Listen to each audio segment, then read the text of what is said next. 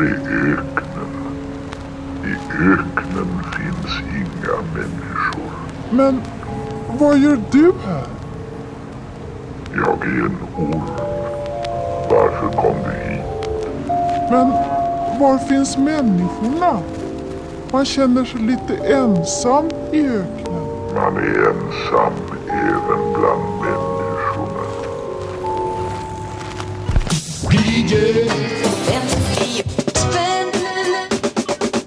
Den här. Herregud alltså. Fyndet från Kungälv, där kommer jag ifrån. Men du, uttalas det inte Tjungälv? Nej, nej Kungälv är För ni det. säger ju kex. Ja, det gör vi. De sjunger om kex. Ja, det kan du ge dig fan på att man gör. Nej, jag har inte lagt av. Jag tog bara en liten pandemipaus. Men nu är jag tillbaka igen. Lite gråare, lite tjockare, lite tröttare. Här är DJ 50 spänn igen. Jag heter Tommy Jönsson och är både musik och teknikreaktionär. Musik är någonting som graveras in på skiva och köps för 10 spänn styck på Myrorna. Det är absolut ingenting som du ska streama ner från något jävla moln i cyberspace. Och den här stackaren som jag har mutat med en 50-lapp idag och tvingat hit till min eh, lilla studiobunker. Eh, han heter Marcus Berggren. Hur känns det att sitta här inne egentligen? Ja, det känns väldigt bra. Det känns väldigt hemtamt. Det är mycket att kolla på. Ja, Det är det verkligen. jag har inte intryckssanerat. Alltså det är fullt med loppisaktiga plattor och prylar här inne. Så att det är stökigt för ögat kan man säga. Ja, men jag lever likadant. Ja, Så ja. det känns som eh, ett till rum i min lägenhet. Nu var det väldigt nära att jag eh, höll på att presentera dig som Sveriges roligaste man. Men sen så liksom höll jag tillbaks det lite grann för Ja. att jag har märkt att komiker och andra liksom roliga Är filurer... inte så roliga. Nej, men det är snarare mer att de brukar kanske rygga tillbaks lite om man säger en sån sak. Ja, det är väl lite, man brukar prata om det om man är komiker, att det är lite så kniven i ryggen när de presenterar en. Att bara håll i hatten, här har vi honom eller henne, den roligaste i hela riket. Att det blir så här, så ska man gå upp och vara det. Ja, okej. Det- Ja. Att det blir svårt, det är stora skor. Mm. Har du blivit presenterad så?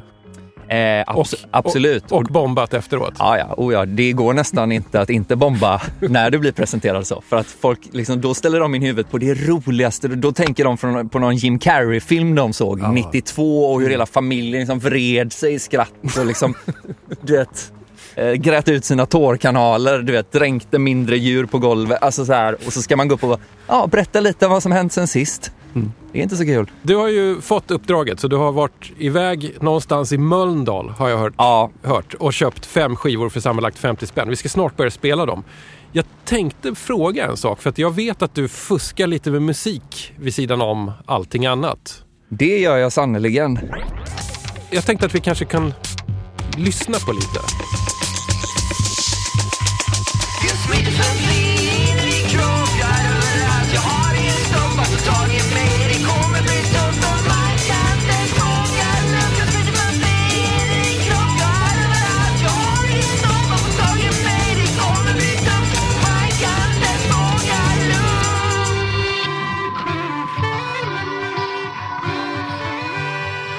Marcus, vad, vad är det du vill ha liksom, sagt med det här skramlet? Nej, jag tror att om man, om man jobbar med humor är ju väldigt publikfriande sport kan man säga. Att det ska vara, alla ska tycka det är så roligt och så Mm. trevligt och du vet hela rummet ska, åh vilken rolig kväll och vilken fin kille, du vet, ska slå uppåt och rätt håll och du vet det, det är så mycket att tänka på att ibland har man, alla har ju det här primalskriket i sig, sen kan det låta på olika sätt. Mm. Så här låter mitt, det är väl ett digitalt rop på hjälp. Okej. Att man vill inte liksom vara den här spillevinkeln liksom. Nej. Ja, men jag, jag gillade det här för det, första gången jag bara liksom råkade höra det här, det var, jag såg att du hade delat någon länk till någon Soundcloud-grej tänkte jag att, som man tänker när man try- trycker på en Soundcloud-länk. Det här kan aj, vara vad som aj. helst. Ja, eller det här kommer inte vara bra. Men jag gillade det, för jag gillade att det var... Jag, jag gillade att det fanns ett, liksom ett skönt stök i det. Förstår du vad jag menar? Alltså att, idag är det ju nästan lätt att göra saker som låter så här smooth eller eh, liksom Ja, jag- eleganta och liksom så här Ja. snyggt handlag. Och så, kommer det, ja, och så kommer det här. Disco Krishna, det är lite distat, det är, det är allt på en gång. Jag bara, men det- yes. När jag la ut den länken så var nog folk lite såhär, what the fuck. Men så såg jag att du ändå var så här, men jag gillar det. Då var jag så här, det räcker för mig. Bra, då behöver jag inte kolla vad någon annan tycker. Ni andra kan, håll käften Ja. Och det finns ju flera anledningar. Dels kan jag inte få det att låta slick, även om jag hade velat. Och jag vet inte vad som kom först här, hörnan eller lägget, men det har gjort att liksom, jag är ju väldigt ointresserad av liksom kompetens när det kommer till kulturyttringar. Att jag tycker inte det är så roligt att höra på någon som är kompetent. Utan man vill ju höra någon som spelar på toppen av sin förmåga. Ja. Och det där är så bra jag kan göra. Alltså när jag verkligen försöker. Mm. Jag tycker ofta att man hör eh, när folk är så här, pushar sin egen gräns på något sätt. Det, det, Det, det är det bästa ja. soundet när någon inte är så bra men försöker hoppa lite högre Mm. och kanske inte riktigt landar rätt men det är liksom incitamentet som är det viktiga. Det är det jag lyssnar på. Ja. Hur går det till när din musik föds?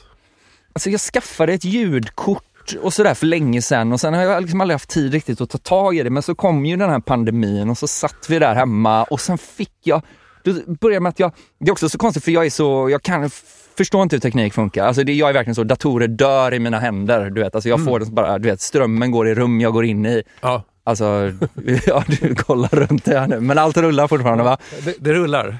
Men, men så bara testade jag att spela in någon grej och så blev det liksom ett ljud i mitt garageband och så blev jag så jävla hög på att jag hade liksom skapat ljud. Att jag kände Ah. mig som du vet, Mm. Gud, du vet, han skapar världen och så vilar han den sjunde dagen. Fast jag vilar inte den sjunde dagen. Utan jag körde på och gjorde liksom ja, men 20-30 låtar, Ja. en per dag liksom. Mm. Eh, och sen mixade jag dem på en halvtimme och så bara ut med dem. Och sen har jag försökt efter så här, det var kul att sp- spela in någon mer låt. Men nu vet jag inte hur det funkar igen. Nu får jag liksom inte ens igång programmet. Jag fattar liksom hur fan kopplade jag in ljudkortet till... Det var någonting i mitt driv där som gjorde att all teknik bara funkade. Den källan av inspiration är död tyvärr. Så jag är glad att jag fick ur mig de låtarna i alla Ja. fall. Jag gör så här att jag, jag kommer länka det här från dj50span.se, min liksom hemsida, min hembygd på, på nätet. Soundcloud, förlåt, men är det lite som en, eh, vår tids skivbackar? Jag skulle nog nästan kunna... Fast det är ju inte ja, signat något egentligen. Det kan vara det också. Ja, det alltså kan det, vara det. det är lite blandat, men på ett sätt är det kanske det. Men jag tänker att det är lite roligt också med när en del ganska etablerade artister helt plötsligt får feeling och bara tankar upp grejer på Soundcloud. Jag vet att för några år sedan, tre år sedan kanske, eller något, något sånt, så, så vet jag att helt plötsligt så la Ulf Lundell upp massa nya låtar på Soundcloud och då gick det som ett... Jag, jag är med i massa så Ulf Lundell-grupper på sociala medier, på Facebook och sådär. Ja. Och helt plötsligt gick det som en sus. Bara, det är nya Uffe-låtar. Så hamnar man liksom på en Soundcloud-sida. Det har, ja, men det har lagts upp en bakgrundsbild där och så ligger det några nya spår. Han måste ju själv ha knappat in Ja, det känns som skivbolag. Så, Ja. Nej, nej, Uffe, Ja, men ta sen, ner! sen togs de ju ner. Ja, På grund av skivbolaget fick Ja. jag veta långt efteråt att de hade ju ingen koll på att han hade tankat upp grejer på Soundcloud bara på, på vinst och förlust. Liksom. Som en helt vanlig indie-artist som är osignad. men han är ju jätteintressant. För, jag menar, dels är han väl lite periodare sådär, men också lite teknikintresserad på något sätt. Att ibland, Mm. plötsligt har han en blogg. Ja, exakt. Någon gång har ja. han Instagram och sen har han inte det. Ja, jag vet. Ja, Han men vill vara med, men sen drar han sig tillbaka. Mm. Ja, jag tycker att han var en av våra allra bästa bloggare. Jag, jag antar att Ulf Lundell inte lyssnar på det här, men om du gör det, Ulf, börja blogga igen. ja, Nej, men jag tror, förlåt, men jag tror så här att eh, mitt, eh, mitt mål med allt jag gör, och det är svårt, men tänk om de Soundcloud-låtarna jag la upp hade varit en sån här skiva som någon har hittat om 50 år på Myrorna och Ja, ja. fått upp och bara, Mm. vem är det här, vad är det här, kommit hem och hört det. ja, ja. Det är ju liksom drömmen. Mm. Det är ju därför man i så fall skulle vilja skriva en bok eller någonting. ja För liksom de i framtiden som går och kollar, så som man själv köper böcker och skivor. Hur gör du när du köper böcker och skivor? Men jag är ju väldigt mycket på loppis här då, helst lite utanför stan. Vi pratade ju om det lite innan vi drog igång här, men det är ju liksom dammsuget Ja. deluxe. Okej. Alltså innanför tullarna, nej men det är det ju. Jo, Alltså, men det, här, är det går inte att hitta- Det är svårt. Eh, Men ibland hittar man ju någon guldgruva som är lite sådär på gränsen mellan stad och land. Eh, Och då går jag väl bara på, alltså s- helst ska man inte veta vad det är, Nej. men att det ska finnas någonting som intresserar. Och det, att man kan känna att så här, det här var någonting i sin samtid Mm. Och så på, den, på det sättet får man nyckeln Ja. till en annan tid. Nu börjar jag känna att jag gör mig eh, liksom skyldig till kardinalsynden. Alldeles för lång start. Ska vi inte bara langa på din Ja. första skiva här? Nu kör vi. Vad sa vi? Burkmat va? Burkmat. Jag låg och sov och drömde som vanligt om mat. Jag satt vinden, torsk och en tunna spenat.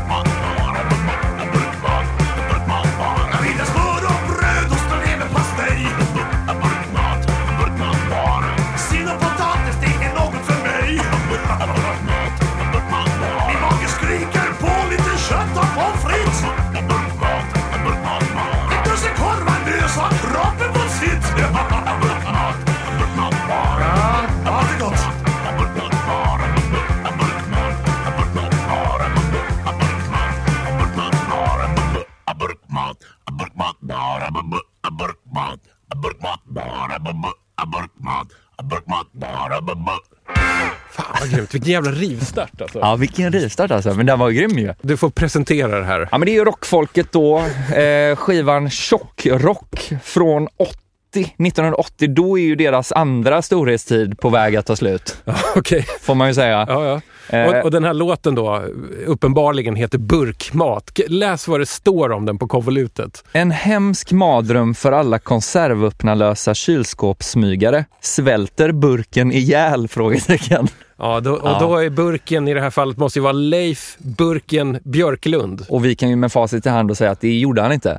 Nej, just det. Nej, han eh, dog nog av ålder va?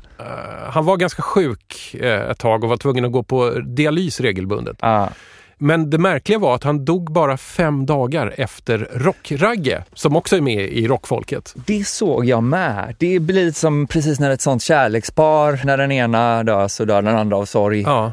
Jag har ju varit lite rädd för rockfolket. Jag har aldrig plockat upp dem på loppis. Jag har flera gånger stått och hållit i den här skivan som heter bara Burken, kommatecken Rockkung, som ofta finns där. Men jag har Ja. aldrig plockat med mig den hem. Vad är det som har hindrat dig? När jag hör det här så undrar jag det också. Alltså min ingång på rockfolket är att jag såg, alltså jag har ett sånt, inte traumatiskt, men ett sånt tydligt barndomsminne av att det är Allsång på Skansen och jag kanske är tio år någonting. Och så Ja. är det så här, "Nej, nu har vi återförenat dem, rockfolket! Och så tänker jag aldrig hört talas om. Och så kommer de in då en efter en, Burken, Rockragge, någon som heter Rock-Olga. Ja, just det. Hon var med ibland, tror jag. Ja men liksom då var det nog alli, alla som någonsin haft epitetet rock innan Ja. sitt namn var på scen samtidigt. Och de gjorde någon slags medley av de här Hey Baberiba och olika Elvis-översättningar. Ja. Och att det var sånt drag under galoscherna. Var det fast, det? Ja, fast de var så gamla Ja. men rockade så hårt. Och det minnet har jag alltid du vet, nästan burit liksom som ett speciellt skrin Mhm. i mig och plockat fram ibland och tänkt så här, vilka var det? Eller vad Mm. handlar det om? Vad var det för någonting som fick dig att liksom vilja plocka upp den här? Ja, men jag tycker det, det har en sån dragningskraft, det är så spännande. Liksom, hela deras historia. Jag tänker det här med liksom, det här rockkungstävlingarna på fem, slutet av 50, början av 60-talet. När rock'n'rollen då hade slått i världen och man hade de här olika lokala tävlingarna. Nu ska vi ha liksom Bollnäs rockkung, Svedalas rockkung. Och sen är väl, det här är väl lite best of rockkungarna. De, Ja. jag tänker att alla städer hade varsin ja. rockkung, men Och det de här är- är liksom rockkungarnas rockkungar. För, för om jag fattat det rätt med rockfolket så är det här ett band som var aktiva på 70-talet va? Ja, alltså sen då så satte man ihop dem, ja, som du säger, på 70-talet. Eh, för då kunde de nog inte turnera var för sig längre. Nej, så då bildar man en trojka när man är så, men om vi går ihop allihopa. Och så blev väl det en sån dundersuccé, vad Ja, jag förstår. Att jo, de jo. Mm. liksom gjorde rent hus i folkparkerna. Det känns som att alla deras låtar var ett medley. Men sen det jag tycker är intressant med det är väl också det orena i det. För att det är ju liksom inte... Men de är ju roliga. Ja, de är ju en humorgrupp jättemycket. Det är ju kul. Och det är kul att den heter Tjockrock och att de ska spola kröken och börja träna. Och, alltså man fattar inte vad, vad är det ni vill killar? Mm. Vad är det ni vill? Men det är väl också att, för det är ju inte liksom en så pastisch 50-tals. Det är ju lite, de ser ju ut lite som Elvis comeback. Ja, Känns ju lite Mm. som stilen. Och de sjunger ju 50-talslåtar fast med svenska texter. Men att allt är rätt så här, det ser ganska disco ut. Mhm, mm. Och när vi hör den här låten känns ju den som, i grunden låter det lite som en, nästan som en punklåt. Ja, antingen det eller som så här Surfing Bird eller någonting nästan. Ja. Men samtidigt är ju den här burkmatsrösten extremt apart. Det känns ju som en sån teknisk innovation i studion som bara, hur ska vi tr- trycka in, skona in den här nya pluggen? Man hade väl inte pluggar på den tiden, Nej. utan det var väl en liten apparat. Ja, liksom. en burk. En burk, ja. Det var väl att burken sjung in i en burk. Det, det var... Ja, jag måste säga att jag är glatt överraskad. Jag får bara läsa en sista ja, grej från du fastnar, Ja. Ser att du fastnar i omslaget här nu. Det är så mycket information på skivan. Det får man ju inte med strömningstjänsterna va? Nej. Jo, det får man ju nästan nu med, med det här Bind the Lyrics och så. Men det, tanken är ju att du ska följa då artisten också på, på Instagram och få såna här lyckokako-visdomar serverade då och då med någon selfie. Ja, just det. Det Be yourself. på. Det kan, det kan du titta på medan du lyssnar på "Ja, strömningstjänsten. Fan, Justin Bieber, vad bra saker han säger hela tiden. Klokt sagt Justin. Det står så här, på låten Rockomobile ryckte Malins och Nickes pappa Kjell Berggren in på diverse klaviaturer. Tack! Sen står det också, Rockfolket Fanclub sköts av Leif Björklund den andre. Ja, det måste vara Burkens son kanske. Sedan 1973. Hur orkar han? Frågetecken. Skriv och stötta honom. Och så adressen då i Spånga. Det är en annan tid. Det är en annan värld. Men jag tror nog, nej nu kanske, Ja. de kanske inte finns längre bland oss. Rest in peace. Rätt många av dem tror jag. Gamla rockers, det går inte en dag utan att man ska nästan göra honör mot en avliden gammal originalrocker. Men det verkar ändå som att de spolar kröken redan 80. Mm. Så det känns ju skönt. Ja, det där är spännande. Alltså, jag, jag vet inte om rockfolket på något sätt... Jag vet inte hur de hänger ihop med antidrog och antispritrörelsen. Men på den här skivan som du har med, Tjockrock, så vet jag ju att det finns en, en låt som handlar om att man ska sluta supa. Den heter Bättre ball än knall. Vilket verkar då vara lite rockragges catchphrase. Ja. Sen 77 står där att han har sagt det mycket. Att man kan ha roligt utan sprit. Det är faktiskt inte så dumt att chansa. ja. Eh, men det är inte så mycket guden. Det hade man velat höra eh, rockfolkets kristna skiva. Ja. Som inte så gu- gudrock. Jag har ju inte så bra koll på rockfolket så kanske finns den där ute. Hoppas. Gospelfolket. Ja, det hade väl varit nästa naturliga steg egentligen. Alltså om man ser på Ja, Elvis. Gick ju till gospel så fort han hade chansen. ja just det. Så fort det, man det- lämnade honom obevakad en sekund drog han in 40 fetlagda sångerskor som sjöng för glatta livet. Var det inte lite så? varje gång som, vad heter, vad han? Överste Tom Parker, hans, Ja. hans manager, stämplade ut för dagen. Gick på toa bara, så hör han inifrån toaletten. Sing happy day, oh happy day. Bara, Elvis, för helvete. Du vet att ingen gillar den där smörjan. Du ska skaka på höfterna och sjunga Jailhouse Rock din dumme jävel. Jag gillar de perioderna i artisters liv, liksom, när de har fått liksom, den här totala hybrisen Ja, och du ja, vet, ja. bara ja-sägare runt sig. Jag tänker att Ja. han översten dog väl han var ju gammal redan när han upptäckte Elvis. Ja, ja. Sen dog Mm. han av och så var Elvis den största artisten i världen. Och det är så här, vad vill du göra? Jag vill liksom äta mackor och sjunga med de här 40 Ja. stora tjejerna. ja, det är klart. Och alla vet att feta Elvis är den bästa Elvis. Du, eh, Ja. slumpade du fram någon skiva? Jag slumpade fram och det slumpade sig så himla trevligt att det blev den här Ulf Dageby-plattan. Uff, du är kanske född under en lycklig stjärna. Jag var på ett väldigt bra ställe ska jag säga. Det fanns inte så mycket, det var inte så mycket saxpartyn i de backarna. Det var rätt bra grejer alltså. Random access vinyl.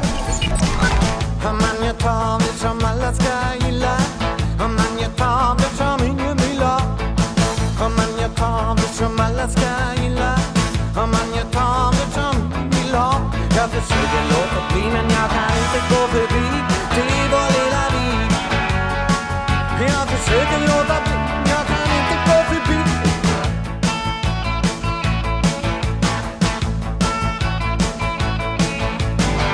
I labyrinten där tappar jag vägen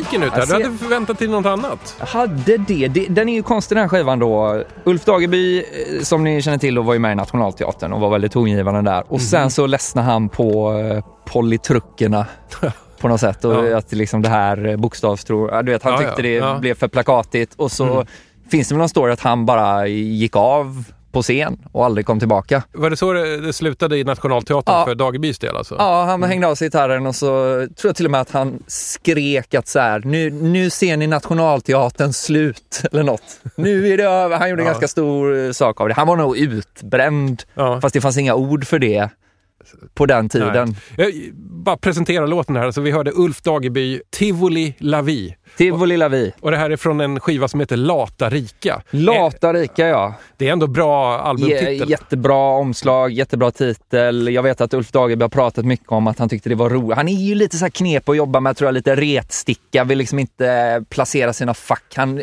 Dylan är väl den han håller högst. Liksom. Det känns som att han gillar det knepiga med Dylan väldigt mycket. Det tycker jag man kan höra mycket i hans musik, att han har tagit liksom de här bitarna av Dylan som kanske inte alla har tagit. Många tror jag tolkar den här Lata Rika som liksom en sån progg, Ja. näve i luften-grej. Ja, den har ju den vibben. Alltså, det här är väl som en sån här rockig Afzelius-rökare från samma tid kan man väl säga. Du vet, låtar som Svarta gänget eller någonting. Nu, näven flyger upp i luften ändå. Jag tror att han trycks in i det facket och näven åker ju upp liksom även på mig. Men jag tror att han menar på att den handlar mer om så här att eh, folk var för bokstavstroende och att nu är ni Mm. lata och rika, ni som sa till mig att jag inte fick tycka vad fan jag ville på 70-talet. Ah, ja, ja. Att det är mer en sån känga Ja, ja. till de här tältprojektet människa. Men den referensen tog ju ingen. Utan folk Nej, slängde det- upp näven i luften och... Sköt över huvudet på mig.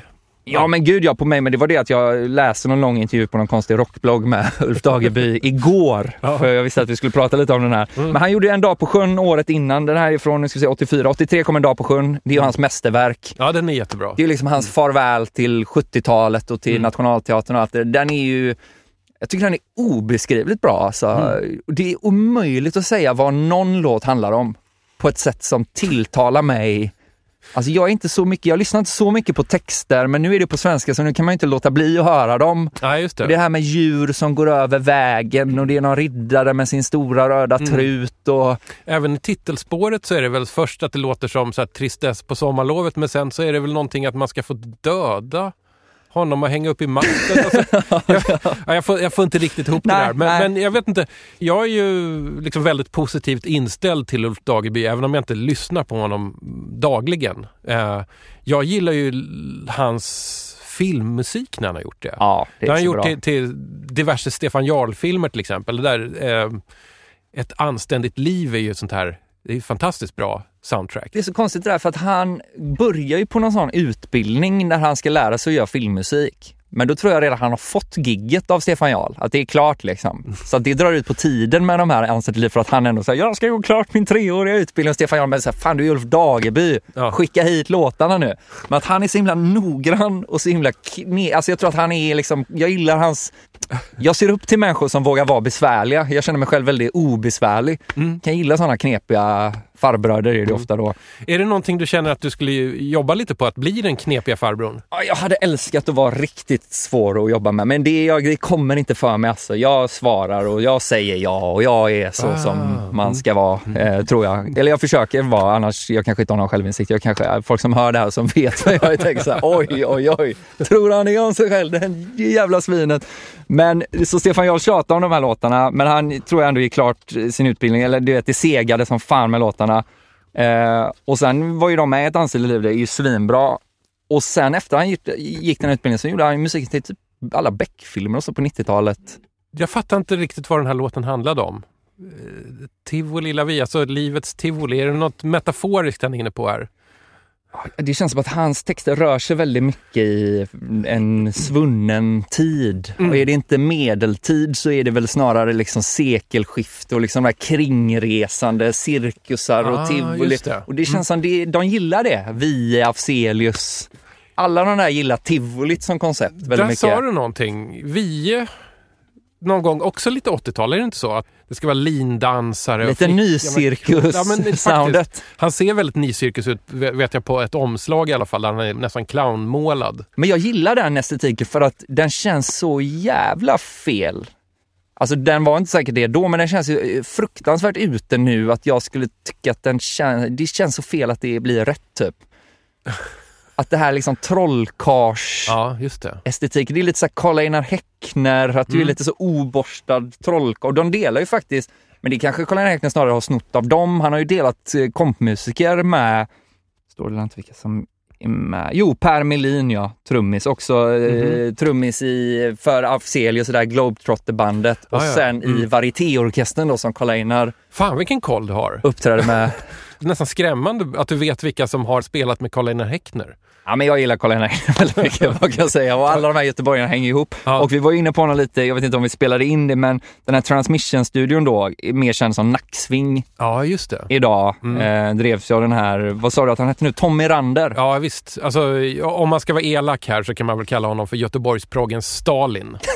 Just det, han är, inte, han är inte den här sköna Lenin som ändå folk är lite såhär, "Ah, jag vet inte vad vi tycker Nej. om honom, var allt Nej, bra? det- Stalin är ändå ja. alla såhär, han var skit. Det pekades en del med hela handen och det, Ja. och det var väldigt mycket också så att vissa... Eh, ja, men det fanns regler för vad som var okej och vad som inte var okej. Nej just det, låtar, musiken är bara ett medel för Ja. att föra ut ett budskap, det är ingen jävla underhållning. Men sen på 80-talet så vet jag inte hur mycket makt eller, eller hur mycket principer Tommy Rander had- hade. Jag tror att det där var nog mer 70-talet. Det intressanta med Tommy Rander är att samtidigt som han var liksom progg-mogul och oerhört politisk Mm. så jobbade han, var han ju samtidigt anställd på Sveriges Radio i Göteborg. Ja. På den tiden var det inget, Nej, det var nej. inte ett problem. Nej, det var ju fruktansvärt politiskt. Vad heter Men de här gubbarna?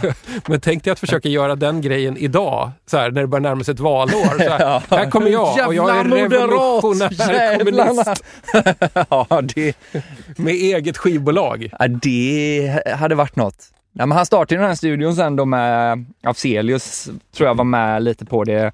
Sen gick det i konkurs på något sätt. Afzelius startade en egen studio. Mm. Och sen, för jag var inne på han Tommy Randers hem, han har ju en hemsida, så som hemsidor såg ut i internets linda lite grann. Oh, älskar. Du vet, vi snackar gästbok, vi snackar de här tidiga, jag vet inte om man kan kalla det giffar riktigt, men det rör sig lite. Ja, men det är giffar. Ja, just det, det är giffar. Och så längst ner så hade han lite så här, lite goa länk. Allt såklart på startsidan, det var innan flikar uppfanns. Utan Ah. allt är ju som en, om tidningen bara hade haft en sida. Så det bara, här är allt. Serier och reportage och hela. Och där fattar man ju att han hade många strängar på sin lyra. Han skriver ju om speedway i någon egen tidning. Mm. Som fortfarande utkom, utkommer tio nummer per år. Varför vi pratar om han här är för att det är hans Ja. studio ja, som Ja. skivan är på. man, man vill gärna prata om Tommy Rander. Eh, Jag tycker inte proggmusik är ju inte så kul att lyssna på eh, av, det är väl Tommy Randers fel. Förstå- Men jag kan, ge- jag kan ju tycka det är intressant att det finns en tid när ändå man har ju fått en bild av att Nationalteatern ändå fanns lite så här var mans hem. Jo, men de var ju stora. Det, De ändå alltså, var de nådde ut. För det är svårt, alltså idag känns det som Timbuktu kan ju knappt säga att han är sosse utan att folk liksom bränner, att det blir ett sånt bokbål på Stora torget i Lund. Eller fattar du vad jag menar? Att ingen vågar...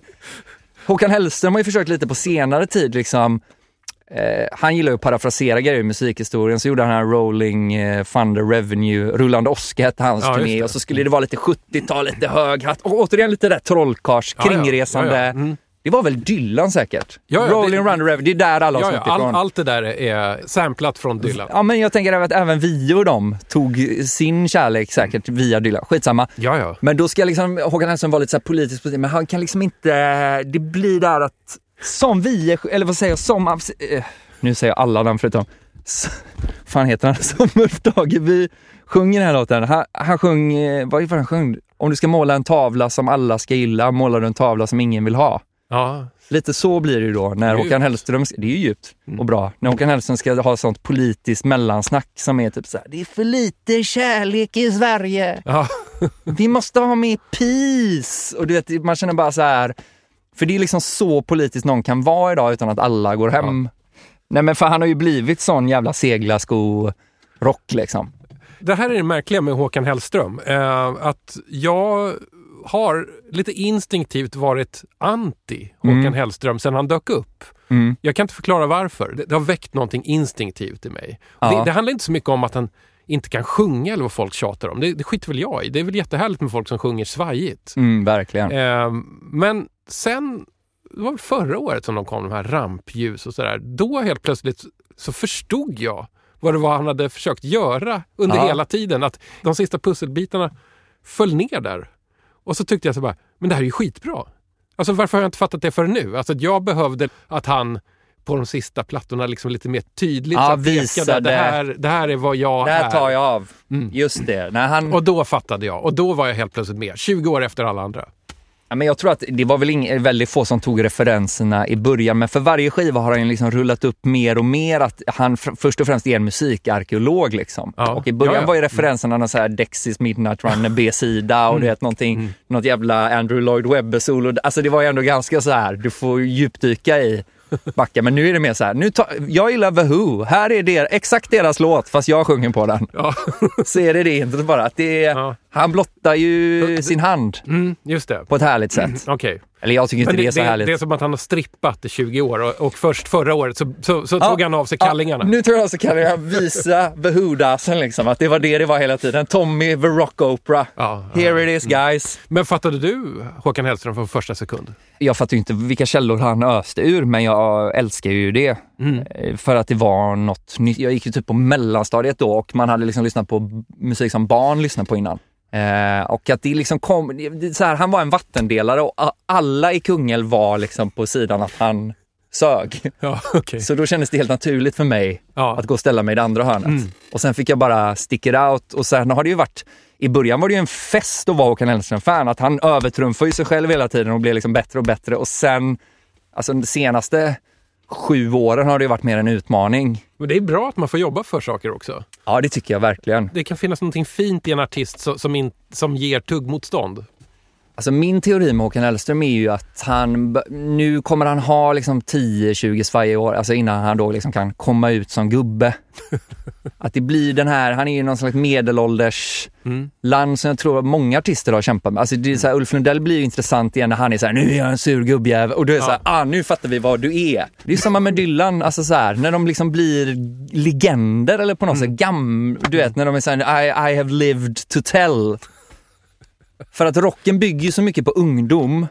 Och sen någon gång slutar de vara ungdom men försöker, fast jag är fortfarande ung, hallå kolla Ja. jag spelar Who och har krulligt hår och folk är så här, fast det börjar bli lite. Och sen då när de trillar över på andra sidan, då kan det bli intressant och gött igen. Dageby där, men han har ju alltid varit en gubbjävel liksom. Du, ehm, jag vet att du har en annan eh, gubbe från 70-talet med dig. Ja men det har jag Det, det sannerligen. är dags för din chansning. Ja. Här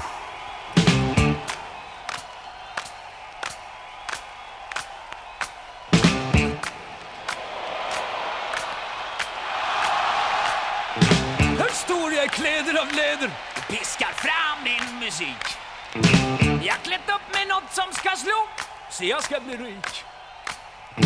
Jag har kläder av läder, en gimmick, en pryl mot packet. Så går surret bakom mig. Så går eh, producentsnacket. Min hjärna han står där nere och spanar förnöjsamt på infågeln. Han har fått mig dit han vill, till en snart schizofrenen. Han har skapat mig till den jag idag är här inför er alla. Ja. Sol gott folk, för här kommer en som kan sprälla. De kallar mig Läderdicky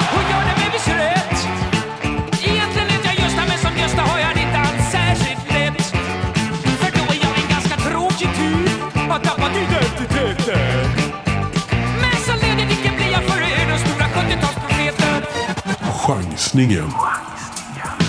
I min hand har jag en rå, brutal, kolossal, nysvansad kappiska. Jag ska slå mig fram på scen och ni som ser mig, ja ni ska viska. Se, se, se, se, se där går Läderdicky, han du vet med grejen för i år. Han har rätta style, det, det är han som vet vad som slår. Jag har sett Alice Cooper, Bowie, Glitter och hela sköna rockiga gänget. Jag har sett Ladies hela taget, ja du vet de med rätta i hänget. En annan får ju vara med och spana i stylen bakom kulisserna om man säger så. De älskar mig på alla kändispartyn när jag får slå dem med min eh, piska. De kallar mig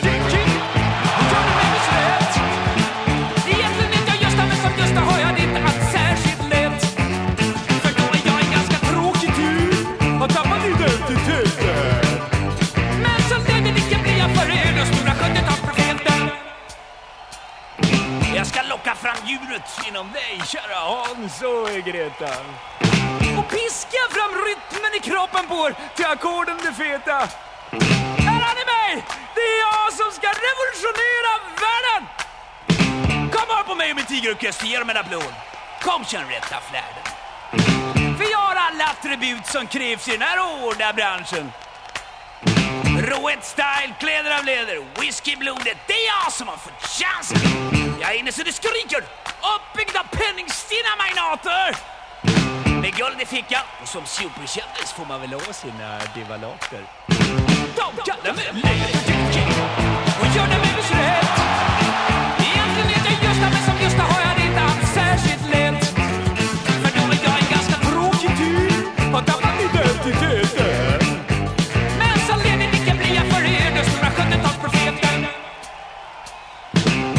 Varken sjunga, trälla, nynna, dansa eller slå en endaste liten stepp. Men min producent alltså, det gör ingenting sa han. Spela på din läderläpp Dicky. Själv tycker jag att efter mycket träning är jag oförskämt bra. Nu kommer jag.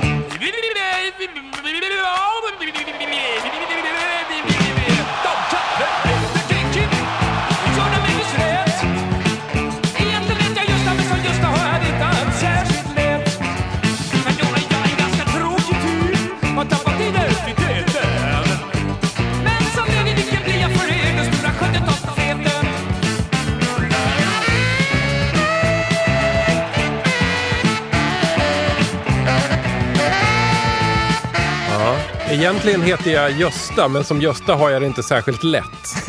Sjunger Gösta Linderholm. Also known as Läder-Dicky. Det här är en jävligt konstig låt alltså. Eller? Ja, det är den första att hålla med om. Så här står det på skivan. Eh, också konstigt det här med, jag är inte van vid att de förklarar alla låtar. Så var det på Rockfolkets skiva med att de liksom har skrivit lite copy Ja, om att man ändå ska läsa, oj vad är det för låtar med på den här skivan? Ja, men- Spår 5 här då, Läderdick ska vi se. En livslevande upptagning från Läderdickis första och sista konsert. Inför, och så extremt eh, specifikt antal, inför 300 000, 376 839 jublande diggare i staden Takayama, inte långt från Ikayawa i Japan. Året var 1976. Ja, ja, vi spelar alltså Gösta Linderholms platta Blå ballader och Gröna demoner. Och om ni undrar exakt vilken Gösta Linderholm-platta är det, då är det den här där han sitter mot en mörk bakgrund med en gitarr i famnen och sen på, på baksidan så är det lite tuffa låtnamn. Det är Belzebub, det är Läderdicky. Det är, brinner i soluppgång. ja, Min galne katt och jag. ja. Oj, fan nu är jag nästan lite ledsen att vi lys- lyssnar på den låten. Hör det här. Det försvann pilsner ur min kyl. En natt kom jag på honom. Katten. Vi satt ner och snackade en stund. Jag i min kattkostym, han i sin. George Orwell hade fel. Det är inte grisarna som ska överta världen. Det är siameskatterna. ja. Whatever he's smoking, I'm having. Man. Vad händer med dig när du langar på en Gösta Linderholm som du hade chansat på? Ja, Jag chansar på det för att jag är som vit eh, man mitt i livet är jag ju väldigt intresserad av singer-songwriter-traditionen ändå. Jag tänkte ja. att det skulle vara lite såhär John Holm, eh, Kjell Höglund, Ja. alltså någon sån, han ser ju ser liksom rödvinsfylld ut, som att Ja. han gillar lång, du vet att sätta ner ljus i rödvinsflaskor så att det liksom Så kan det nog ha varit. Och på något sätt så är ju Gösta Linderholm en singer-songwriter eller trubadur eller vad man nu ska säga. Men han, han kanske inte har det där John Holm stuket riktigt. Utan han, han, inte den han stringensen riktigt. Nej, jag tror att Gösta Linderholm lite mer såg sig själv som en glädjespridare. Kan man väl säga. Det står då blå ballader och gröna demoner. Det här får nog räknas som en av de gröna demonerna då, Läder-Dicky. Min teori när jag hör det här, det, jag tänker, det var ju inte alls vad jag tänkte mig, men jag blir ju positivt överraskad. Herregud, jag har ju redan sådana John Holm-skivor, olika, du vet, ledsna farbröder med gitarr och någon tjej i Grekland de längtar till. Så det var kul att det var något annat. Det jag tänker är att han har väl eh, köttat på dem med trubadurgrejen på 70-talet. Ja. Så kommer det här glamrockshelvetet som han ser. Liksom. Han känner att han måste kommentera det. Han känner fan vad lite folk det är på mina spelningar. Och vad mycket, vad fan, vart ska alla tjejer? Vad sa ni? T-Rex? Vad är det för jävla köttskalle? Och så har han spanat in det och han gillar inte det han hör. Så det här tänker jag är hans roast då av, för han nämner Bowie och några mer. Ja, det gör han. Det, är ju en samtidskoppling i den här låten. Jag, jag, jag har annars tänkt att mycket av det som jag har hört av Gösta Linderholm är ju eh, låtar som inte eh, kanske passar in så mycket i rock'n'roll-eran annars. Det är rulla in en boll och låt den rulla och det är en picknick i Provence. Alltså det, det är I otakt världen. med tiden. Eller så var det i takt med tiden, för det var kanske en idé om det, det goda livet med en härlig trubadurman, gissar jag. Det jag tänker med den här låten också är att då man ska liksom göra ner en annan musikstil Samtidigt, då är han så här, okej, folk gillar glamrock. Ja, jag ska visa hur lätt det är. Det är ju bara att kalla sig själv för Läderdicky. Eh, lägga på lite publikljud och... Men samtidigt, det är ju lite tondöv pastisch. Mm. Det låter ju inte alls, tycker jag. Det måste väl vara lite på humorsidan. Det lurar i bakgrunden på, på Gösta Linderholm. Tror jag, Bitterheten. tiden. Ja, men också, också det här liksom att göra comedymusik. Alltså det är alltid lite nära. Ah, okej. Han kan alltid ta den vägen. Just det, han är det Ja. mim, vi i Mimrars kallar för skratthora. Det som är skönt är att du ändå inte kommer hit och är full av åsikter och kunskap om Gösta Linderholm. Nej, Jag tror att de flesta tidigare som har varit med här har antingen då tyckt att gud vad jobbigt med Gösta Linderholm, men jag var ju på loppis så jag tog den. Eller så har de känt att de måste gå i försvar och säga att Gösta Linderholm är underskattad. men har vi hittat, det finns ju många såklart, men ett sånt svart hål eller så, döda vinkeln i min. Jag har aldrig hört talas om honom. Han har också gjort, för jag kollade upp lite då efter jag hört den här skivan och tänkte okej, nu, jag måste veta allt. Eller jag måste se vad håller den här gubben Ja. på. Och det känns som hans skivor på 70-talet, det är ju lite sådär borderline barn. Men Så jag fattar inte liksom vilka skivor som är för barn och vilka som är för vuxna. Nej. De heter kanske så, Bananskivan. Ja, är han med på den?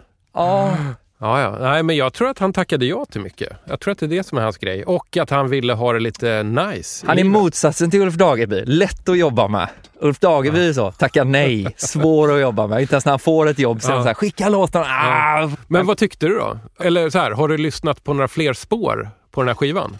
Ja, jag lyssnade För, på för jag tycker nog att den här låten kanske inte är helt representativ för skivan egentligen. Jag har inte lyckats höra någon singer-songwriter-tradition. Jag tycker den är, känns helt frikopplad från det. Jag har hört den här Glader och så, det låter extremt 70-tal. Mm. Det låter som att de har väldigt kul i studion. Ja. Det är ju aldrig bra. Vi snackade nyss om eh, Håkan Hellström och att ganska många har ju retat sig på hans sångstil. Jag tror att på 70-talet så kanske det var Gösta Linderholms sångstil som delade nationen. Ja, Vissa köpte det här liksom lite spända tonläget medan andra tyckte att eh, det var förfärligt. det, kanske du vet mer men för han har gjort en skiva som heter så och in kommer Justa, som också Ja. hans memoarer heter. Och då blev Ja. jag plötsligt så här, vänta nu lite här. Har han tagit det från, Det här är en jättebra Filemon. fråga. Det vet eller jag inte. Men, de, ja. handlar deras låt om Gösta Linderholm? nej, det tror jag inte. Nej, det tror du inte. Men det är möjligt att Gösta Linderholm tyckte att det var en catchy titel. Jag heter ju Gösta, det, det kör jag på. In, in med Gösta! In kommer Gösta! Vem är det som kommer in? Det är jag, Gösta!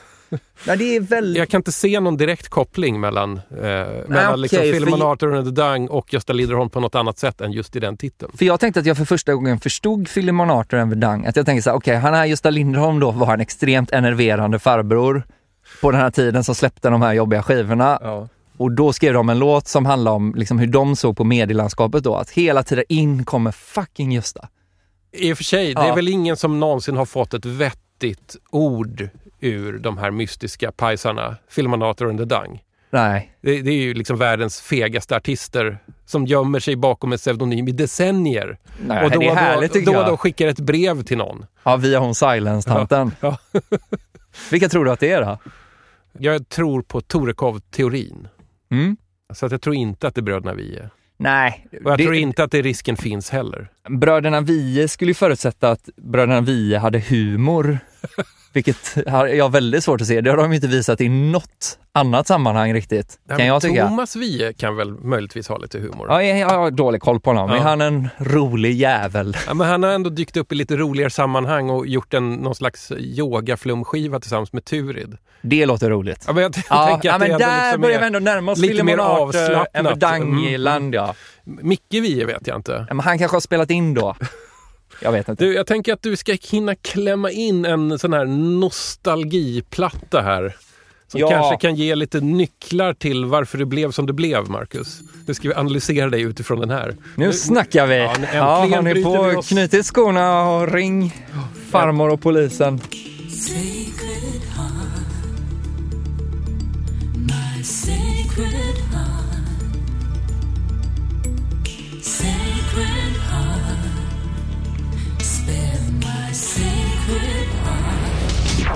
Nostalgiköpet.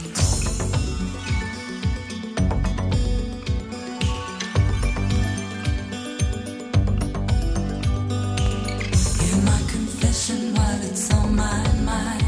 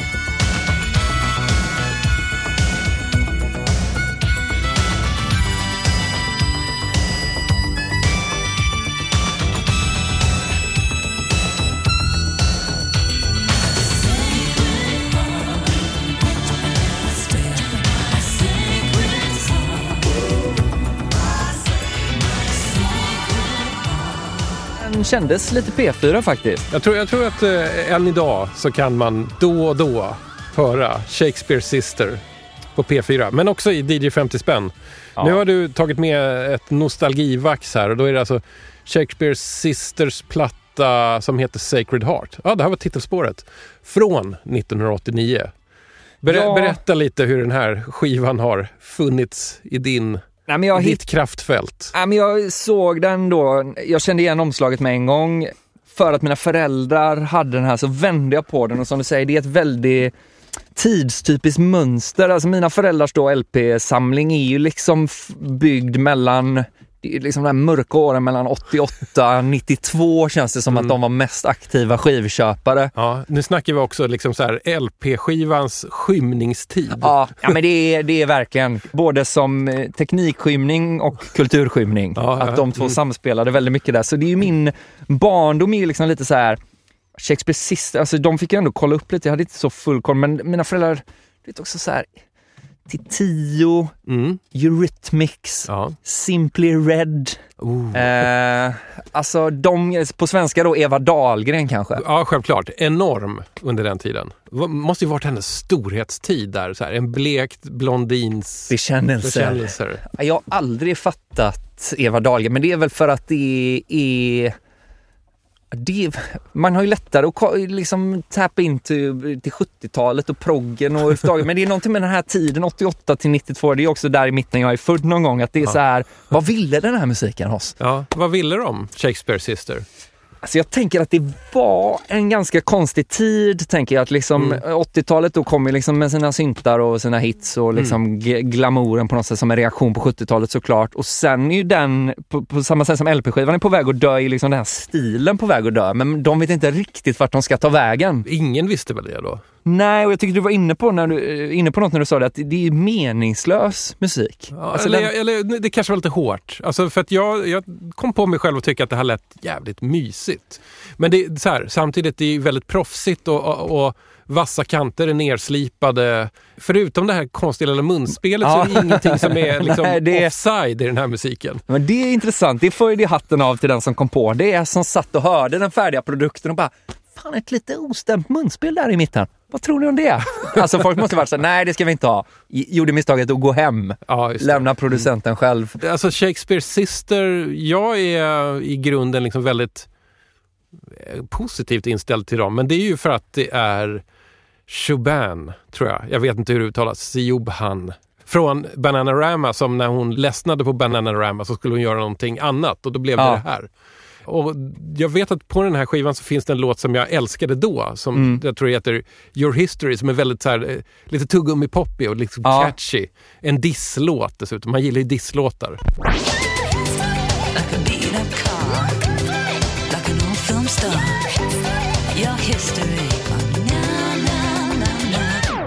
Nej men verkligen att det känns ju inte så stendumt som 80-talet kunde vara. Men det är väl också min spaning, eller spaning, men det, det, på något sätt när 80-talet tar slut så går... Så här, det, det här är ju, det är ju ingen svår musik, men det är heller inte liksom den dummaste hitmusiken riktigt. Att det finns ju någonting med det här som är, som är, jag vet inte, det finns någon mörk kraft i det. Det känns, men det är väl också, det, kan vara personligt för mig att det är min barndom känns som en sån stängd låda med Ja. typ sån, där, exakt den här typen av låtar i. Som liksom ingen tänker på det, ingen spelar, det hörs ingenstans. Så öppnar man den och så bara, ah, kommer det ut och det är så här Ah. välskrivet och producerat och vet, man fattar det är bra musiker och hon var typ gift med han Dave Stewart då från Eurythmics och det liksom Ja, ska vara coolt och credit och sådär men det är liksom bara, Mm. vem fan pratar om Shakespeares sister idag? Ja, vi då, men Vi gör det och sen undrar jag om de kanske fortfarande är liksom ett namn som kan vara i rotation i, i typ Storbritannien. För att jag vet att Shakespeare Sister har då och då återförenats och gjort någon, något framträdande eller någon ny låt eller sådär. Också samma sak med Bananarama, att de Ja, men vi, återförenas lite. Vi, vi, vi kör några klubbgig, vi, vi gör en liten turné, vi gör en sista det. spelning och så gör de det flera gånger. ja. Väldigt många artister från så här 80, tidigt 90-tal är Mm. ju som att de aldrig ligger av på riktigt. De blir ju liksom som the living dead i Ja. artistvärlden. Det är där säger du någonting. Det är väl det det är. Det är de levande döda. Den här tiden är levande död. För att så här, de har inte gått ur tiden de här musikerna. De finns och håller på. Men det är liksom inte, de, det är inte som att de gör några nya ringar på vattnet. Utan de får ju Nej. köra, de, sen har väl Shakespeare har väl en sån megahit. Stay. Ja, exakt, Ja. som är på skivan efter tror jag. Mm, mm. Som är helt obegripligt för mig att det är en så stor... Ja, men det, det finns ju en stor folkgrupp där ute som jag kallar för balladfolket som går igång. De, börjar, de känner att de lever när de här stora balladerna kommer. Ah, nej. Det här, det här är en sån grej från mitt brödjobb som radioproducent. Och då och då gör man program på P4 och så kommer man in och så är det alltid någon som har lagt musiklistan. Den ligger ju där, klar redan. Ja. Och så kollar man, så börjar timmen med den här Lady Gaga, vad heter det nu, Shallow. Jag bara, man kan ju inte öppna en timme med Shallow. Men vad är det för DJ-set? Och, och, så, och så hivar jag Ah. ut den ur låtlistor. Nej. Vi, ska- vi ska ju göra ett kul program, det ska vara Ah. lite tjim, det ska vara lite drag. Då kan vi inte börja med Men- tårsprutande liksom anthem. Men går har det inte hänt någonting konstigt där? Att Förr var ju, ra, alltså det var ju radio-DJs på radion som gjorde perfekta musiktimmar och så Ja, sa man några jo. grejer emellan och sen växte det till att bli bara snack. Och nu har det växt till liksom att det sitter ett gäng på våning sex Ja. och bara liksom håller på med låtar. Bara den låten är bra, den låten är bra, den låten gillar jag. Skicka ner dem. Ja, vilken ordning ska vi ha dem i? Skitsamma! Att det liksom finns, man har skilt på kyrka och stat där som är programmet och musikläggarna. Och jag kan Ja, se att jo. en allians mellan dem hade varit nyttig Ja. för att göra en så bra radiotimme som möjligt. Nu för tiden så är det musik på kran. L- lite grann. Ja, ska ha en låt. Så drar man upp regeln ja. och det så här, man, man har ingen aning om vad det är man spelar. Man Nej. vet inte vem som har valt det, man vet inte varför det har valts. Nej. Det kanske till och med inte ens är en människa som har valt det, det kanske är en algoritm. Och så är snacket det så är så här, ja men folk eh, lyssnar på radio för musiken. Och man är så här, nej. Men Ja. du har ju stått och, och larvat en massa i radio. Va, Ja, hade, oh ja. ha- hade du någon relation till musiken du spelade i P3 när du körde ett quizprogram till exempel? Alltså jag var ju, så får man väl inte vara egentligen, men jag pratar ju väldigt mycket om musiken. Mm. Eh, och gav både ris och ros i direktsändning kan man säga. Eh, och de, ja, jag förstod väl att jag gjorde väl vissa musikläggare lite upprörd och till slut blev det, för jag pratar aldrig direkt med dem för att de sitter på våning sju och man vet inte vilka det Ja. är och man är så här, kan ni... Och jag kan också känna, det här kanske är så jävla asigt sagt av mig, men jag är också så här, vi kan, vill ni veta vad vi ska spela? Fråga oss, vi är här. Ja. Vill ni ha bra låtar i program? Fråga mig. Jag kan ta fram sju bra låtar, det är inga problem. Jag gör det gratis. Men så funkar det inte, utan det är någon som jobbar med att veta att så här, hovet är väldigt populära i år. Du Mm. vet, så, ja, men bra, då kan vi spela dem hela tiden. Så folk eh, verkligen stänger av. Ja, du hör ju hur det bara väller fram Ja, ja, ja. Jag, Men- jag tryckte på rätt Ja, knapp det gjorde. Ja. Men till slut då så blev det en sån jävla märklig kommunikation mellan mig och musikläggarna som Mm. var att en vecka när jag hade det här fredagsquizprogrammet så var det liksom en bra låt. Mm. Helt plötsligt efter att ha jobbat där i fem år så bara kollade jag i låtlistan så bara, fan var det en jävla Bob Hund-låt?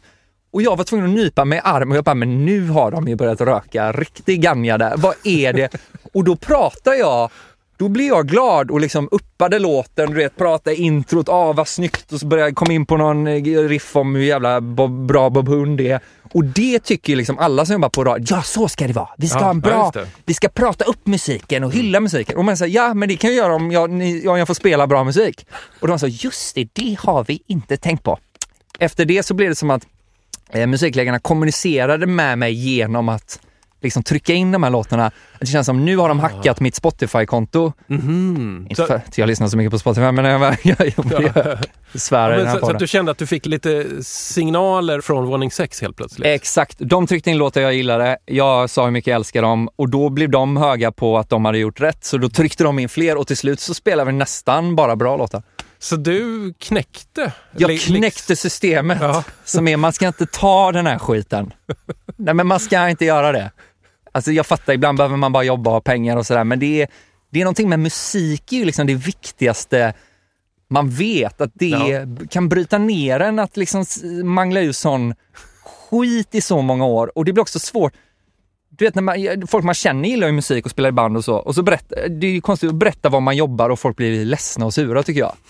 Vadå, vadå, brukade det hända? Ja, alltid jobbat på Petro och de säger, men vad håller ni på med? Varför spelar ni sån jävla... Och man är så här, ah, förlåt nu är det inte jag som... Nej, jag ska skämmas. Intressant. Det är intressant. Men det är ju, det är ju inte mitt problem längre. Så nu kan de spela vad fan de vill för skit.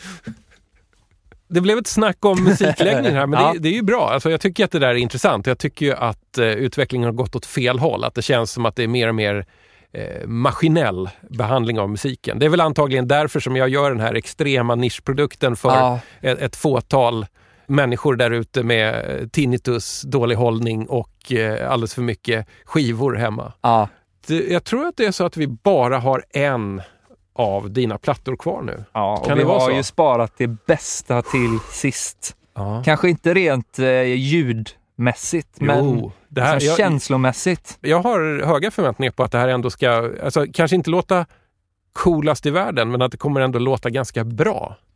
Ja, men det är så, Ja, Okej, jag kan bli besviken. ja, vi ser väl helt enkelt. Jag har rest i hela Sverige Härnösand till Trelleborg Jag har till och med åkt över Dalabron i Vänersborg Har sett sola ut i Karlstad Gått omkring i Östersund när jag var i Stockholm såg jag Gröna Lund. Och jag har snabbt passerat Åmål Lämnat Jo i glädjerus Och har alltid fått ett skråmål. I det glada Hanöhus Jag har sett Borlänge och Mora Lindesberg och Örebro. Kan ni gissa var jag helst av allt vill bo? Jag längtar alltid hem till Kungälv Ja, man vill tillbaks igen. För det finns ingenting som Kungälv Kungälv, Bohuslän De bakar kex i gamla Kungälv Och de kan sitt ABC har en fästning där i Kungälv som är värd att se. Fyndet. Har simmat kring i Vansbro, Gävle var ett bra. Piteå, Luleå och Umeå, men jag vill hellre vara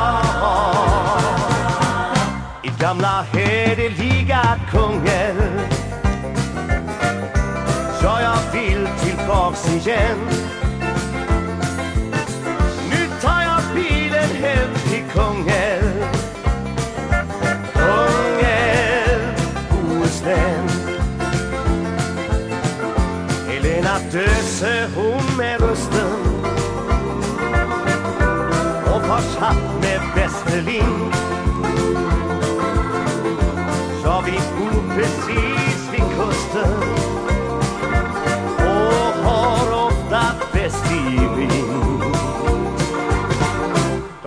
Kex i gamla Kungälv och de kan sitt ABC. Eh, Ja, men det hade vi en gamla goa Kungälv, Stripless skiva. Det är ju mitt fynd då va? Det är ett fynd. Det var verkligen ett fynd. Alltså man hittar ju ofta Stripless-skivor, men det är ju sällan man hittar den med sin hemstads namn på. Ah, Från Kungälv till San Francisco. Kungälv, Bohuslän. Ja. Det här är alltså den svenska versionen av Ray Stevens countrylåt Nashville. My love is waiting there in Nashville. Nashville, Tennessee. Ja, så fabulerar vi lite där om Kungälv ändå då blir Sveriges Nashville och vi kom fram till att så är det. Vi säger det nu i alla fall Ja, tycker men jag. lite Mm. så på vischan, lite country, ändå lite musikfabrik istället för eh, countrymusik då, Sveriges country, dansband. Ja, just det. Har man pumpat ur sig. Mm. Men om, om man ska se på hela liksom dansbands-outputen så är, är liksom inte så Värmland egentligen Jo, hjärtat i den branschen. ja, det har du ju. Skitsamma, man kan få drömma. Ja, man kan få drömma. Alltså Striplers är från Kungälv. Ja, Du jag, är från Kungälv. ja, jag ägnar mig ofta åt sån historierevision. Du vet att det finns någon sån konspirationsteori nästan att liksom eh, hela civilisationens vagga är i Skaraborg någonstans. Som är kopplat till An och liksom tidigare fynd, att det var liksom Ja, ja. där. Ja. Lite sån inställning har jag till Kungälv av någon anledning. Att- Det är väl för att jag är därifrån då såklart. Men Ja. att det var där de tre kungarna möttes och enade Norden och Mhm. Streepless liksom är väl nästan det första dansbandet. Jag tror Lasse Stefan slår dem på fingrarna med två, jag tror Lasse Stefan startar 57, Jaha. Streetpress 59, men de är Ja. innan Flamingo-kvintetten i Partille, som är, då är vi in på 60-tal, Ja, ja. när de drar igång. Ja, man hittar ju ofta Streetpress-skivor, Mm. ändå i backar, i alla fall på västkusten. De har ju också gjort ett gäng. Det finns ganska gott om dem. Ja, det gör ju det. Här kan man också se Striplers turnéplan från 81. Spelar nästan varje dag. Det är också att det, det heter spelplan. Det är inte så här, nu är vi på en turné det här året, utan det här är bara så våra liv ser ut. Det här har våra familjer bara köpt. Precis, det är inte turné längre om hela ens karriär i fem decennier ser ut sådär, år Men- efter år. Det var bättre om de släppte sådana tröjor med datumen på ryggen när de ska vara hemma. Som de ger till sina barn. Här är pappa hemma de här tre dagarna. Så barnen kan kolla på den. Så Kom du fram till hur många, hur många speldatum hade de 1981? Ja, men om vi börjar med då, eh, så här kan vi räkna, 13 gånger 12, om vi tar 10 gånger 12 först. Ja, 120. 120, så Mm. lägger du på 10, ja men 140 någonting Ja, per år. det är dansband det. Då stämplar man in på jobbet. Man är aldrig hemma. Nej, man sätter sig i en buss och man är aldrig hemma och man kan ha en sån spelplan när man är hemma med de datumen på bara trycka turné-t-shirt. Men eh, Strippers var väl också, den här är från 80 då. Eh, och de överlevde ju 80-talet. Man pratar ju mycket om liksom dansbandsdöden då när diskomusiken kommer. De har liksom klarat sig igenom allt. Ja. Och det handlar väl lite om att de är liksom the OGs. De är liksom första vågen liksom. Mm, eh, mm. Det jag tycker är konstigt med den här skivan är att den är då inspelad i Stockholm i någonting som heter KMH Studio. oj, oj. Det är den stora dansbandsstudion i Stockholm. Okej. Alla dansband har spelat in där någon gång. Så även Striplers då. Även i Bosse Winbergs studio i Skintebo. Ja, men Bosse Winberg från Spotniks. Ah, en annan göteborgare. Jajamän, det ska vara en bra studio, har jag hört. Men de byggde ju en egen studio i Kungälv då, Bohusstudion 76. Ja, Och ja. varför kör de? Det måste ju varit att de var på den här sjuka spelplanen, att de liksom hade inte tid att komma hem emellan. Ja, antingen det eller så insåg de att de kan fakturera om andra spelar in i deras studio. Just det, för dansbandsmänniskor är ju ofta nästan mer företagare än konstnärer. Ja, men det, så, så, så tror jag. jag. Jag har fått förklarat för mig någon gång att eh, har man ett dansband, då har man i, nästan som en liten bolagskoncern. Ett bolag för, som är produktionsbolaget, här, musikbolaget så att säga. Och sen ett bolag för att sköta transporterna. Ja. och sen kanske man har ett bolag för att bevaka rättigheter och ge ut skivor eller ha något musikförlag etc. Det tror jag är ganska vanligt. Och sen det där med att spela 120 eller fler spelningar per år. Det är vad man signar upp för om man blir dansbandsmusiker. Jag är så Det fascinerad är av där det. pengarna kommer. det är liksom en helt annan ingång på kulturen vad jag någonsin har haft. Att det måste liksom, för de är ju liksom högtalare i kostym på något sätt. Att det är Mm. liksom, alltså det är klart att folk har favoritdansband och sådär men det är inte, alltså, de är inte skitintresserade. Alltså det är ju knappt att folk applåderar mellan låtarna. Nej, de dansar ju. Ja, de dansar ju. Att, och så, bara står det där. Du måste ju tänka efter någon. Varför ställer vi inte bara en högtalare här? Och åker hem och är med våra familjer. De måste ju hata sina familjer. Eller vad är det? Vad är tjusningen i... Ja. För jag jag kan ju inte svara på det, jag har ingen aning. Men, jag det är fascinerande. det är så fascinerande att vara så hardworking och bara åka runt och gigga och gigga och gigga. För jag tänker att tjusningen med att vara artist är ju liksom att vara artist. Mm. Men de känns ju inte riktigt som artister utan mer som du säger som en företagskoncern som åker Mm. runt och spelar upp låtar folk vill höra i så många timmar med. Ja, just det. Men det är väl också, eftersom dansband är företag och företag handlar om att gå plus och överleva, så de ändrar, sig, ändrar ju sig hela tiden med tiden. Att de börjar ju som så, liksom, Ja. eh, nästan Mm. sådana skiffelgrupper eller så 50-tals, 60-tals rock, pop, vad som nu var inne. Och sen blev de dansband som bara spelar det folk vill dansa till. Moderna dansband är ju farligt nära den här P4-poppen. Ja, Bara att man inte riktigt hör. nej, just det. inte rotat i liksom det här Nashville Nej. att det är liksom långt ifrån det, utan det låter mer som ett sånt jävla Jimmy Jansson-bidrag i Melodifestivalen 2005 liksom. Ja. Det är ofta med något tappert dansband som gör ett försök i Melodifestivalen varje år och kommer aldrig särskilt långt.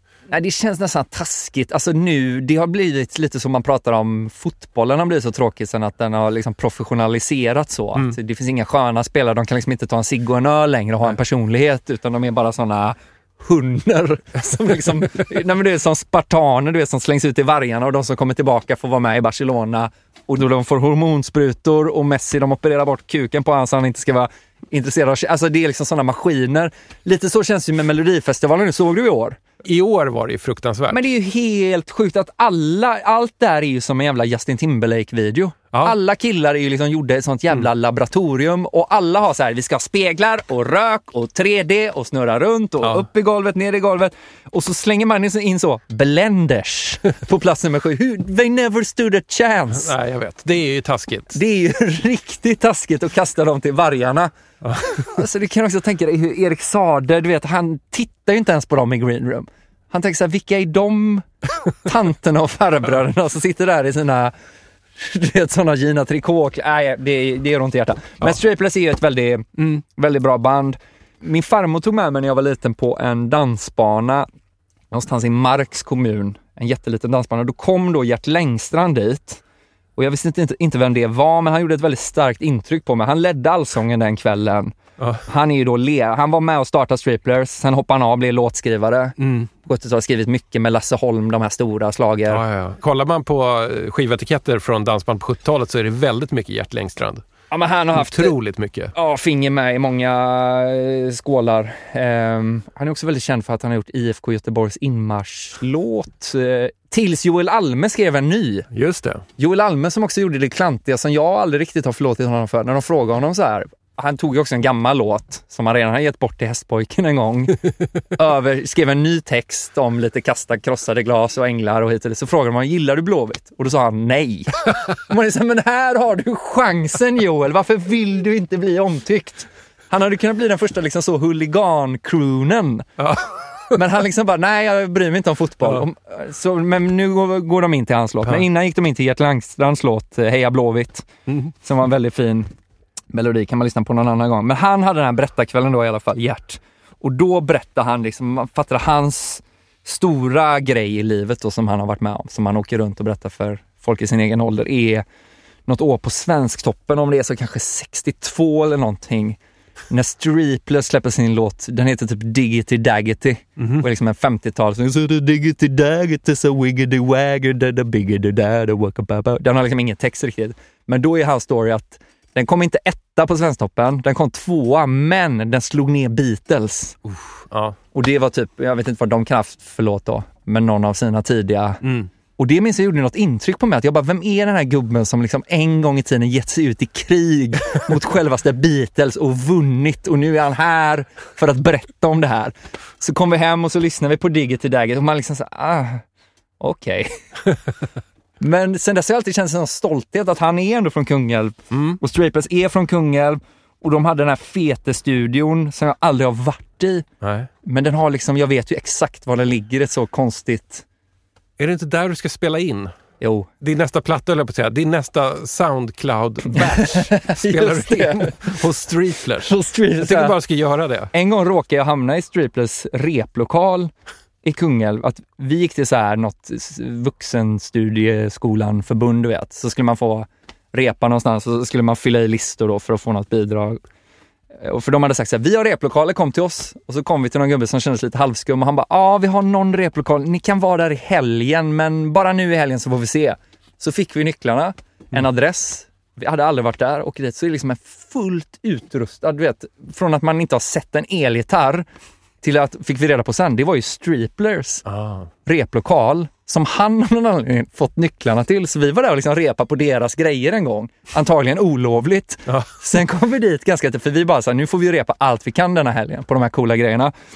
Kom vi dit tidigt på söndag, då var han som hade gett oss nycklarna där och stal isolering från väggen. Va? Ja, att han stod med bilen och liksom höll på att ta ut sån rocksull eller något som var intryckt i väggarna för att han höll på att renovera hemma. Men han blev, vi bara, vad gör du? Varför håller du på att plocka isolering i väggarna? Nej, de hade lånat den av mig. Eh, jag måste ha tillbaka nycklarna, vi får inte vara här egentligen. Så jag vet inte, det är liksom en konstig fadäs. Otroligt. Ja, det är väldigt, Väldigt skumt. väldigt skumt. Han var väldigt skum den gubben. Eh, men en jävla replokal de har Striplers alltså. Mm. Eh, och de kör ju på än idag. Har de, Striplers finns ju kvar då som ett modernt dansband. Du vet, de ömsar ju medlemmar och Mm. Ja, in och liksom... har, har de några originalmedlemmar kvar? Inga kvar tror jag. Det kan ju vara några så här son, söner. Ja, du menar att det har blivit en dansbandsdynasti av Streeplers kanske? Ja, men lite mer så. Och så har det och det gamla gänget återförenats under Mule Skinner Band, band Okej. och de har som mål att spela 25 gånger per år. Så det är liksom vad de gjorde på en månad nästan. Och 81 gör de om året nu då. Ja, ja. Men, men å andra sidan, de är några decennier äldre också. Så att det, Ja, de är ju 140-150 år gamla någonting. De är sådana medicinska under typ. Fina Ja. striplers alltså. du, hur, hur blir man om man växer upp i Kungälv? Hur man blir? Det, det blev ju folk av striplers, blev det folk av dig? Knappt va? Jo men jag tror ändå att det blir folk av en. Jag tycker att det är gött och jag gillar att vara eh, från Kungälv för att man hela tiden, man är liksom li, man är ganska nära Göteborg. Så du kan se allt det roliga som händer där fast det är ändå så långt ifrån. Så att du ändå växer upp med någon slags längtan bort. Mm. Det tycker jag är skönt. Nu är jag lite nyfiken på din, eh, din livlina din bonusplatta. Den som du fick ta med från din egen skivhylla. Oh. En livlina borde ju vara, du vet om man ska ringa en kompis i Vem vill bli miljonär, då ringer man ju sin smartaste kompis. Ja. Nu är det som att jag ringt någon jag inte känner, att vi bara ringer ett nummer Ja. på måfå här. Just det, det här är skivan som du knappt har lyssnat på. Nej, jag köpte den som prydnadssak och haft den framme. Jag har bara låtit den stå i köket och så har folk sagt fan vilket coolt omslag.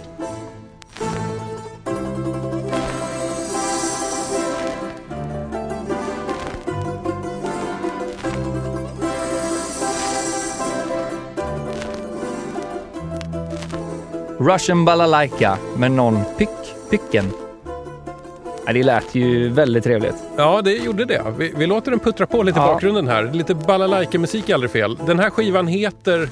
Ja, det, det, det står lite på engelska på det, bland alla kyrilliska bokstäver. Det står bara Russian balalaika och det, vi, vi får vad som utannonseras. Vi ska vara nöjda med det.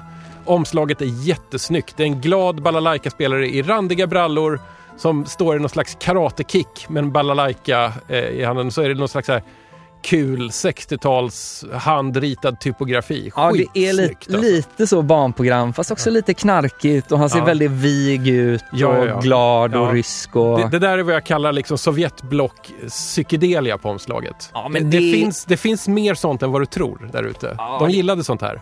Ja, det är snyggt alltså. Vad kände du nu då? Du har ju knappt lyssnat på den här. Nej, men jag kommer lyssna mer på den. Jag tycker det var svinbra. Jag vet inte, jag känner mig öppen för Ryssland bara. I livet liksom. Jag tycker det är balalaika, väldigt trevligt instrument. Tre strängar vad jag förstår. Mm. Alltså det är väl, vet du vad det kan vara också om jag ska rannsaka mig själv? Det är lite där när man är i Grekland på semester. Ja, du gillar bouzouki-grejen. Ja, jag gillar det. Och eh, det ryska har ju det där. Eh, Dylan har det mycket på sena skivor. Jag vet inte om det är balalaika just han Kanske har. mandolin, Ja, jag. mandolin. Ja. Alltså, det tycker jag också är himla trevligt att det eh, ramar in Mhm. musik. Det är ju inget tjockt ljud Nej, av det, nej, utan nej. det är väldigt spetsigt men ändå är det som en filt. Mm, mm. Hur fan går det ihop Tommy? Jag vet jag, inte. Jag, jag har ingen aning. Nej. Jag vet ingenting. Jag vet fan ingenting om musik, slår mig. Blir det mer Soundcloud-släpp från dig? Du, det hoppas jag verkligen. Jag har ju startat ett skivbolag nu som Jaha. heter Kode Records. Så där är planen att, fast det är kanske inte där man släpper sina Soundcloud-grejer. Även när man har ett eget indiebolag tänker jag att man ska göra musik som man eh, tycker är för o-mainstream för att släppa på sitt indiebolag. Förklara. Eh, men jag tänker att jag har mitt skivbolag med för lite så här eh, för indie-musiken och sen har man Soundcloud för det som är too indie for indie. Okej, Ja, ja, nej, jag men- fattar. Jag har fan haft lite olika eh, drömmar där. Jag har någon liksom skrivit en temaskiva Aha. som ska heta Svenska hjältar. Eh, som ska handla om, där varje låt heter så kanske Ulf, Kenneth, Marianne. Och så Ska, ska, ska det vara om personerna alltså? Personer ja, och inga Mm. kända personer utan då fiktiva och eh, personer som har levt, där man liksom berättar deras levnadsberättelse i sådana 10 minuters låtar. Uff. Bara jag och en gitarr. Ja, Det ska vara jävligt stramt. ja. ja. Fruktansvärt att lyssna på nästan, fast ändå härligt. Ja. Kanske. Och klassar vi det här som too indie for indie? Ja, det tror jag nog. Ja, ja. jag har en risk att hamna i det, i det facket. Det, skulle jag, det kan jag vara lite in- inne på att släppa på Soundcloud. Så är det. Det kändes som en bra avrundning där. Nu kommer den svåra stunden här. Ja. Du vet hur det här slutar. Mm. Tack för att du var med. Ja, det är jag som ska tacka Tommy. Du får Telstar. Ja, tack fast, Tommy. fast det är en sockrad Ja. västtysk. Och jag som har diabetes. Har du det? Nej. Nej. Nej jag... Vill bara tigga lite insulin. ja, exakt. Den här radion som är från Lidingö. Radio ja, just det.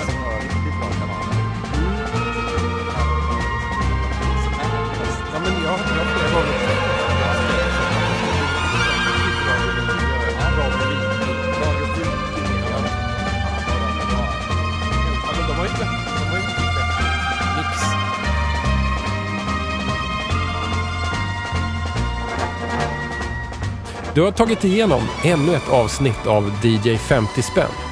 Den här gången med Marcus Berggren som grävande gäst. Och du vet väl att det går att följa DJ 50 spänn på Facebook, på Instagram och på Twitter.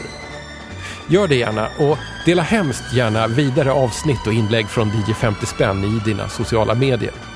Och om du känner för att skicka ett mejl så är adressen hej dj50spann.se och så är det som vanligt. DJ 50 spänn är en friflygande och frisinnad musikpodcast utan några som helst kopplingar till storkapitalet eller det militärindustriella komplexet. Jag som gör podden heter Tommy Jönsson och är till vardags vanlig radioproducent. Och den här podden, den görs med stöd från produktionsbolaget Rundfunk Media. Och hörni, det lönar sig att lyssna hela vägen till slutet.